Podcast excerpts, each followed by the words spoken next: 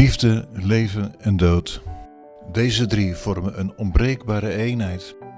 Ze zorgen ervoor dat jij en ik met elkaar verbonden zijn en blijven.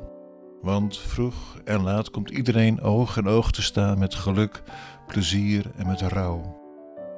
Elk jaar worden 800.000 mensen geconfronteerd met de dood van een innig geliefd mens.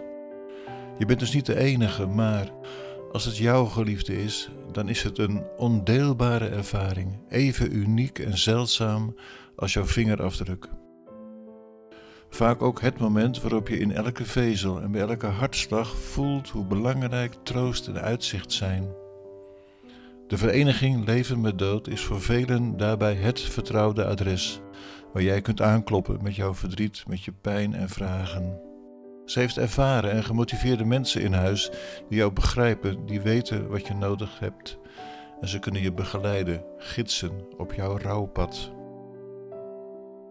Ieder van ons krijgt op een dag te maken met de dood van. Mijn moeder, die altijd vertrouwen in mij heeft gehad. Mijn boezemvriend, die ik vanaf de basisschool elke dag zag, met wie ik speelde, met wie ik lief en leed heb gedeeld. Bijna alles. Mijn vader, die totaal onverwacht overleed. Mijn grote liefde, die plotseling op een ochtend niet meer wakker werd. Mijn vrouw van 42, die na een lange leidersweg is overleden.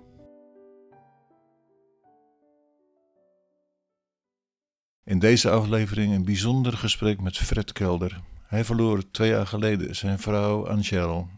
Ruim 50 jaar deelde zij licht en donker. Hij leest haar rouwkaart. Oneindig. Nog nooit was er zoveel verdriet dan op het moment dat jij deze wereld verliet. Nog nooit voelde iets zo leeg dan op het moment dat jij je vleugels kreeg. Maar daar waar jouw leven eindigde, eindigde niet jouw verhaal, want jij leeft voort in liefde in ons allemaal. Wat gebeurde er met Angel toen ze ziek werd of ziek was? Nou ja, het is 16 september 2021. Een uh, fijne oppasdag gehad met twee kleinkinderen. Thuisgekomen, onderweg nog tegen elkaar verteld, het was het weer goed vandaag. En uh, kort na het avondeten zakte Angela in elkaar. Ze had vreselijke pijn in haar nek, zei ze tegen mij. 112 gebeld, ambulance gekomen naar het UMC en daar bleek al snel uh, hersenbloeding door een uh, aneurysma wat uh, ging bloeden. Tweede bloeding kreeg ze ook in het ziekenhuis. En nou ja, toen was ze eigenlijk al buiten bewustzijn. Vijf dagen coma. En 22 september is ze overleden. Wat betekende zij voor jou? Kun je dat in een beeld schetsen? Ja, ik was uh, direct behoorlijk onder de indruk van Angel in uh, 1972 toen ik haar uh, voor het eerst zag. En sprak er dus eigenlijk nooit meer over gegaan. Over mijn oren verliefd zeggen ze dan wel eens een keer. Nou, dat was ik dus ook. Mooie vrouw, die ook structuur bracht in mijn leven. want ik ben een mannetje van structuur. Ik heb graag regels. Maak graag plannen en voer die ook uit voor zover dat kan. Dus uh, de betekenis van Angel was vooral lijn in mijn leven. Hè. We hadden ook een goede rolverdeling thuis. Hè. Vaak gaat dat een beetje door gewoonte, dat groeit. En uh, ja, dat, dat, dat gaf waarde en invulling aan mijn leven. Dus dat was wel voor een groot deel haar betekenis. Je hebt het niet over liefde. Nee, maar dat, ja, je hebt het over liefde. Kijk, natuurlijk, hè, de liefde van Angel voor, uh, voor mij en voor mijn gezin was natuurlijk uh, fantastisch. Hè? Een vrouw die vanuit haar leven, ook vanuit naaste liefde, hè? het was iemand die zich bekommerde om, uh, om anderen, het, het, welbevinden van anderen. Nou, dat merk je als eerste in het gezin. Hè? Wij stonden op de eerste plaats. Hoeveel kinderen hebben jullie? We hebben drie kinderen. Twee zoons en een dochter. En zeven kleinkinderen. Die eerste periode dat ze er niet meer bij was, dat jullie het zonder haar moesten zien te stellen, wat is er toen allemaal veranderd voor jou? Ja, wat er veranderd is, dat is uh, om te beginnen, s morgens vroeg al dat er niemand is als je opstaat en dat er ook niemand is als je thuis komt. Dat is, dat is heel lastig, dat is nog steeds lastig. Alleen zijn. Ehm, dus dat is veranderd. En voor mij is ook ja, in huishoudelijke zin van alles veranderd. Want ik ben natuurlijk een man die ook niet zoveel thuis was door mijn werk. Dus het draaide allemaal en het liep op rolletjes thuis. Dat regende mijn vrouw wel. Het ging ook allemaal prima. Dus ik heb ook naast al het verdriet moeten leren van hoe pak ik nou alles thuis aan? Hoe ga ik dat doen? Ja, waar, eh, hoe werkt de wasmachine en hoe gaat en wat moet daarin en daarin? Dat soort dingen. Dat waren de technische dingen, maar wat waren de emotionele zaken waar je mee worstelde? Ja, kijk, emotionele zaken. Het is natuurlijk in het begin. eh, ik zeg wel eens: eh, de, de tijd staat stil voor degene die het overkomt en voor anderen loopt het door. En dat betekent dat je toch in het begin op een eiland komt te zitten, zo heb ik het wel ervaren. Je wordt ook een beetje een kluizelaar, want het liefst eh, ben je met jezelf en met je gezin ben je samen en daar praat je over de dingen. Je probeert het verdriet met elkaar te delen. Je begint ook een beetje de mooie herinneringen op te halen. Dus dat is, dat is, dat is heel belangrijk. Heb je jezelf opnieuw leren kennen eigenlijk? Dat je ineens zo met zo'n emotionele fase in je leven te maken kreeg die je nog niet gewend was? Ja, ik, het is vooral de, de, wat ze noemen de, on, de ongeredderdheid. Hè? Dat je, dat je eh, rondloopt, eh, ook een beetje als een kip zonder kop in het begin. Zo van, van hoe moet ik er in godsnaam mee verder, hè? Nu, nu ze er niet meer is. Het is, het is een beetje chaotisch ook. Ik heb, eh, ik heb ook wel eens uh, s'nachts s'nachts angstaanvallen gehad dat ik er recht overeind in bed zat en dacht van, hoe, hoe moet dat verder? Hè? En hoe, hoe pak ik de dingen aan en hoe, ga ik nou alles wat op mij afkomt in de tijd die ik nog heb, hoe ga je dat oplossen en zo. Dus dat, een beetje ontredderd wel. Dat is wel, denk ik, wel een woord ervoor. Waar kon je terecht met die ontreddering? Had je mensen bij wie je aan kon kloppen? Had je een arts? Had je een dominee? Waar kon jij terecht? Bij wie? Ja, ik heb een, ik heb een, een coach opgezocht in, in, in Beeldhoven, hier in de buurt, waar ik uh, een aantal keren ben geweest. Dat was heel waardevol. Uh, die zelf ook van alles heeft meegemaakt. Uh, en dat is belangrijk voor me, want ik praat het liefst met mensen die, die vanuit dat verdriet kunnen, kunnen meekijken. Mensen die het niet hebben meegemaakt, die staan in hun machteloosheid vaak ook tegenover je met zo'n gezicht. Met een vraagteken van, als zal komen, van... van wat moet ik ermee, wat moet ik hem vragen? Dat zie je ze ook denken en ze hoeven helemaal niet zoveel te vragen. Maar, nee. En sommigen zeggen niets of, of, of laten niets van zich horen, dat gebeurt ook. Hoe vond je dat? Dat vond ik in het begin vond ik dat, uh, vond ik dat moeilijk. Dat irriteerde me soms ook. Maar ik heb wel geleerd in de afgelopen tijd dat uh, dat, dat komt door machteloosheid, door mensen die niet weten hoe ze het moeten aanpakken. Die ook geen verdriet willen doen misschien door er steeds over te beginnen. Terwijl dat wel de, de weg is, de opening naar het verwerken. Je moet erover praten en ik wil er ook, en mijn gezinsleden ook, zoveel mogelijk over praten. Want jij raakte Angel kwijt, de kinderen raakten hun moeder kwijt. Ja. Hoe moeilijk was het voor jou om ook iets voor hen te betekenen terwijl jij zelf zo ontredderd was? Ja, dat, ik vond dat wel een belangrijk punt om er voor hun te zijn. In de eerste plaats ben je ook een soort, voelde ik me ook een voorbeeld voor ze. Hè? Er wordt iedere dag geïnformeerd hoe het met mij gaat. Hè? Dat is nog steeds zo. Vooral hè? mijn dochter die iedere dag appt, maar ook de twee zoons die regelmatig uh, op het net komen. Hoe gaat het ermee? Hoe heb je geslapen? Lukt het? Dus dat, uh, ik vond het heel belangrijk om hun ook gewoon de ruimte te geven en de adem om iets te kunnen doen met hun verdriet. En dat gebeurt gelukkig. Hoe deed je dat dan? Nou, vaak werd ik, werd ik, werd ik, werd ik gebeld en uh, zat er een in tranen in de auto of zat thuis met een moeilijk moment.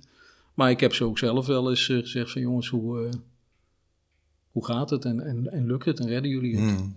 En niet alleen de kinderen, maar ook de kleinkinderen, hè, die hebben ook nog wel eens hun verdrietige momenten gehad. Ja, dat snap ik. Was er één man, één vrouw bij wie je heel in het bijzonder je hart kon luchten? Ja, dat was ook iemand die het zelf heeft meegemaakt. Want nogmaals, dat vind ik belangrijk. Hè, dat je met iemand praat die ook uh, kan meedenken in dat, in dat rouwen, in dat verlies. Hè, bijvoorbeeld hier in, uh, in dit complex, een van deze appartementen, woont iemand die het ook één, zelfs twee keer heeft meegemaakt. En die heeft mij in het begin ook hele goede adviezen gegeven. En daar heb ik veel aan gehad. Vooral bijvoorbeeld het advies om vooral de tijd te nemen die je nodig hebt en niet de tijd die anderen vinden dat het moet duren. Want dat zie je nog wel eens aan hun gezicht. Zo van, het is toch alweer bijna. Hè? zo lang geleden. Tijd speelt geen rol. Tijd speelt geen rol. Wat is dan voor jou het meest troostvolle moment geweest in de afgelopen twee jaar? Bijna twee jaar. Ja, het, het meest troostvolle moment was toch wel de uitvaart. En de, de dag die eraan vooraf ging in het, in het rouwcentrum. De volgende dag de uitvaart hier op de begraafplaats. En vooral omdat je daar de overweldigende menigte zag, die dus uitkwam, die, die, die dus afkwam op, uh, op het afscheid nemen en dat ook zelf wilde doen. Hè, onze zeer gewaardeerde uitvaartleider zei toen ook van, uh, ik denk dat er tussen de 500 en 600 mensen dus op dat afscheid en, en die uitvaart zijn geweest. En dat was toch wel heel troostvol, dat je dus merkt hoeveel hoe de naaste liefde van mijn vrouw dus op mensen heeft ingewerkt en daarop heeft doorgewerkt. En hoe ze, hoeveel verdriet ze hebben over het feit dat ze er dus niet meer is. Dat was het verschil voor jou tussen warm en koud verdriet. Ja, dat is het verschil met, met tien verstanden. Dat ik altijd een beetje op zoek ben gegaan naar een soort balans tussen aan de ene kant het verdriet en het daarmee omgaan. Nou, dat is nu in september bijna twee jaar verder. En aan de andere kant de dankbaarheid die je daardoor krijgt, hè, door, de, door die grote mensenmenigte eh, die ook regelmatig nog iets van zich laat horen of langs het graf gaan daar een kaarsje aansteken, die, die, die balans komt steeds meer in evenwicht van heel veel verdriet, maar langzaam krijg je dan ook van, oh, wat, wat kan ik dankbaar zijn voor zoveel mensen waar ze iets voor betekend heeft. En voor het prachtige gezin wat ik, wat ik nog heb. Hè? Die, die drie prachtige kinderen met hun geweldige partners en die zeven fantastische kleinkinderen. Dus die balans, uh, verdriet en, en, en, en dankbaarheid voor wat er is en het koesteren van de herinneringen die daarbij zijn, dat is natuurlijk essentieel. Heb jij ook steun aan je geloofsovertuiging? Heb je een geloof? Ja, ik, heb, uh, ja ik, ben, ik ben katholiek opgevoed en heb dat ook uh, gelukkig kunnen, kunnen vasthouden. Uh, doe ook het een en ander in de kerk zo nu en dan. al heel lang, dat doe ik met heel veel plezier. Heb ik wat aan mijn geloof? Nou ja, ik heb altijd erg veel gehad aan de opvattingen van, van Harold Kushner, hè, de, de rabbi, de rabbijn die eh, zelf in zijn gezin ook iets vreselijks overkwam en niet kon plaatsen dat zoiets hem nou moest gebeuren. Het was het overlijden van zijn zoon op jonge leeftijd. En, en in die boeken wordt geschilderd, en daar, daar ben ik ook achter gekomen, dat, dat God, of de bron waaruit we komen, de bron van liefde, waar we volgens mij ook naar teruggaan, dat je die vooral kunt vragen om troost en om vertrouwen en om doorzettingsvermogen en uithoudingsvermogen. Daar kun je om vragen en vaak krijg je dat ook. Na verloop van tijd. Na verloop van tijd, of misschien wel direct. Kijk, het feit dat ik hier nu zit, is voor mij wel een teken dat, dat, dat die gebeden die ik dan zo af en toe heb, dat die ook wel verhoord worden. Dat je die kracht krijgt, dat het je wordt gegeven. Maar je moet er denk ik ook wel om vragen.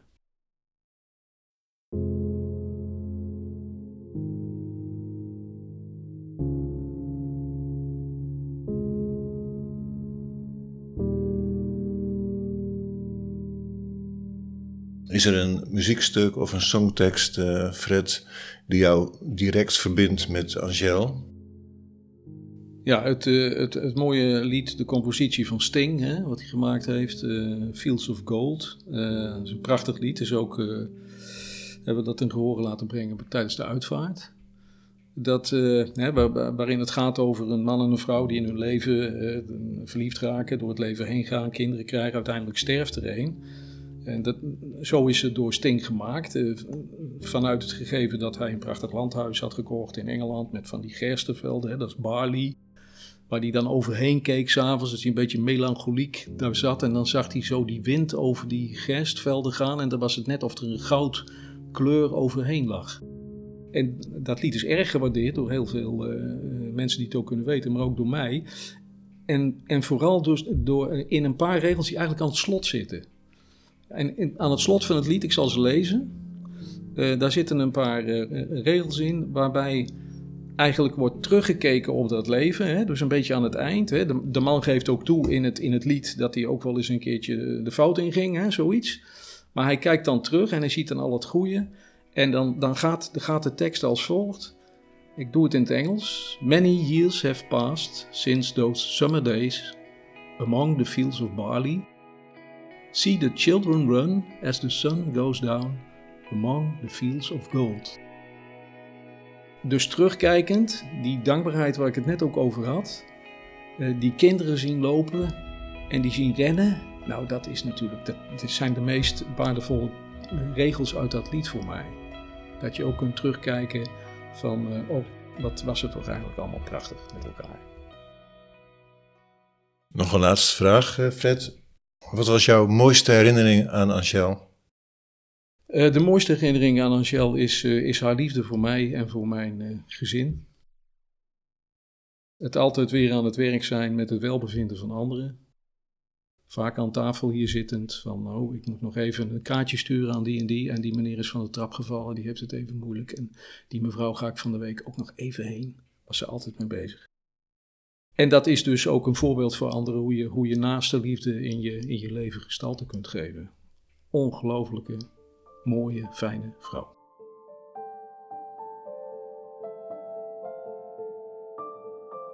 Zojuist luisterde ik naar Fred Kelder, die inmiddels bijna twee jaar geleden zijn vrouw Angèle verloor. Mijn naam is Esli Jonge en ik werk als begeleider bij ziekte, bij overlijden en bij rouw. En dat doe ik uh, voor Questio Centrum voor Levensvragen, voor het Hospice La Vie Naarden en in de kinderpalliatieve zorg. En mijn officiële functietitel is geestelijk begeleider. En waar uh, Fred mee begint, dat herken ik zo. De oneindigheid, de leegte, het verdriet. Alle emoties die op je afkomen op het moment dat uh, de tijd stilstaat. En er eigenlijk ja, als een donderslag bij heldere hemel in het geval van Fred hij zijn vrouw van het een op het andere moment verliest. Ja, dat herken ik vanuit mijn werk. Dat de wereld er daarna zo anders uitziet als daarvoor. En dat je eigenlijk vanaf dat moment ook weer helemaal opnieuw moet zoeken naar een levensritme. Naar hoe je het verdriet kan verweven in je leven. Uh, hoe je ook dankbaar kan zijn voor wat je samen hebt gedeeld. En hoe je ook weer de toekomst ingaat na alles wat je samen hebt meegemaakt. En Fred omschrijft heel helder wat, hij, uh, nou, wat hem helpt bij dat verdriet en wat hem niet helpt. Hij beschrijft dat er anderen zijn die er voor hem zijn, zijn kinderen, een persoon in het gebouw waar hij woont die hetzelfde heeft meegemaakt en die er voor hem is. En dat het vooral belangrijk is om er te kunnen zijn voor die ander. En niet het gevoel te hebben van wat moet ik ermee? Of mensen die niet weten wat ze moeten zeggen of vragen. Maar rouw vraagt om een hele warme, persoonlijke benadering waarbij je naast iemand gaat staan en waarbij je open staat voor alles wat er komt. En dat kan zowel diep verdriet zijn, dat kan zijn paniek zijn, dat kan angst zijn. Wat Fred ook even vertelt, dat hij daar ook wel last van heeft gehad in het begin, in de nacht van paniek. Maar het kan ook dankbaarheid zijn. Het kan ook het ophalen van herinneringen zijn. Het kan ook het samen lachen om wat je eerder hebt meegemaakt zijn. Dus het rouw vraagt eigenlijk het rouwen en naast iemand staan die rouwt vraagt eigenlijk om een hele open houding en kijk om welkom te heten wat er leeft bij die ander. En dat het niet uitmaakt wat dat is, maar dat de ander mag komen met wat hij of zij wil delen. En het laatste element waar ik op wil ingaan is uh, de betekenisgeving van Fred en de slingerbeweging die je hier ziet tussen de ontreddering, de wanhoop, het niet goed weten hoe hij verder moet. En ook uh, het zoeken naar hoe Angel voor hem van betekenis was en hoe zij van betekenis was voor hun gezin en voor anderen klaar stond.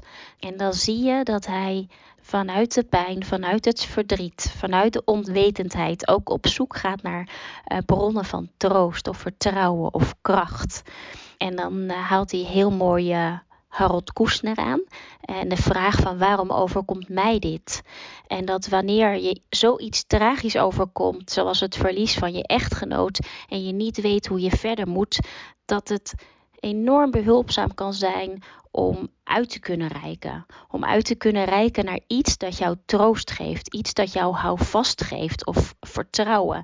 En waar je mag vragen, zoals hij zegt, om doorzettingsvermogen, om troost of daarom kan bidden. En of je daar nou om vraagt of bidt of tot wie of wat je je wendt, of dat een God is of dat de een bron van liefde is. Dat kan allerlei vormen aannemen. Ik zie in mijn werk dat het enorm troostrijk is als er iets groters is dan de mens die rouwt, waar tot je je kan wenden. uh, bij erg verdriet of bij wanhoop of wanneer je je heel alleen voelt. En dat daar een enorme kracht en troost van uit kan gaan. En wat je ook ziet, hè, uh, waar Fred ook zo mooi betekenis aan geeft, is het voortleven in liefde. Het gezin dat voortleeft in liefde, ook de liefde van Angel.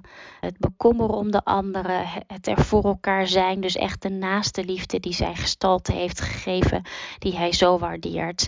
En ook de troost die weer terugkomt vanuit de verbinding die zij ook heeft gelegd met anderen. En waar hij ook de uitvaart noemt, waar wel vijf of zeshonderd mensen zijn geweest. Die dus allemaal in haar leven zijn geweest. En die in verbinding hebben gestaan met Angel en er nu ook voor haar zijn en voor de familie zijn. Om uh, in deze periode van het verdriet samen stil te staan bij wie zij was.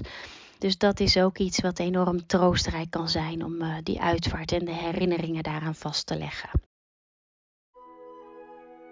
Deze podcast is een initiatief van de Vereniging Leven met Dood. Zij ondersteunt, begeleidt en verbindt mensen die rouwen, want rouwen doe je niet alleen, maar dat doe je samen. Er is professionele kennis, er is wijsheid en oprechte warmte. De vereniging werkt samen met internationale wetenschappers en rouwexperts. Zij is voortdurend op zoek naar hoe jij om kunt gaan met rouw bij jezelf en bij anderen. Dat zorgt over en weer voor begrip, voor kracht en sociale verbinding en voor een ander verwoorden wat jou is overkomen, daardoor leer je ook iets van jezelf terug te vinden.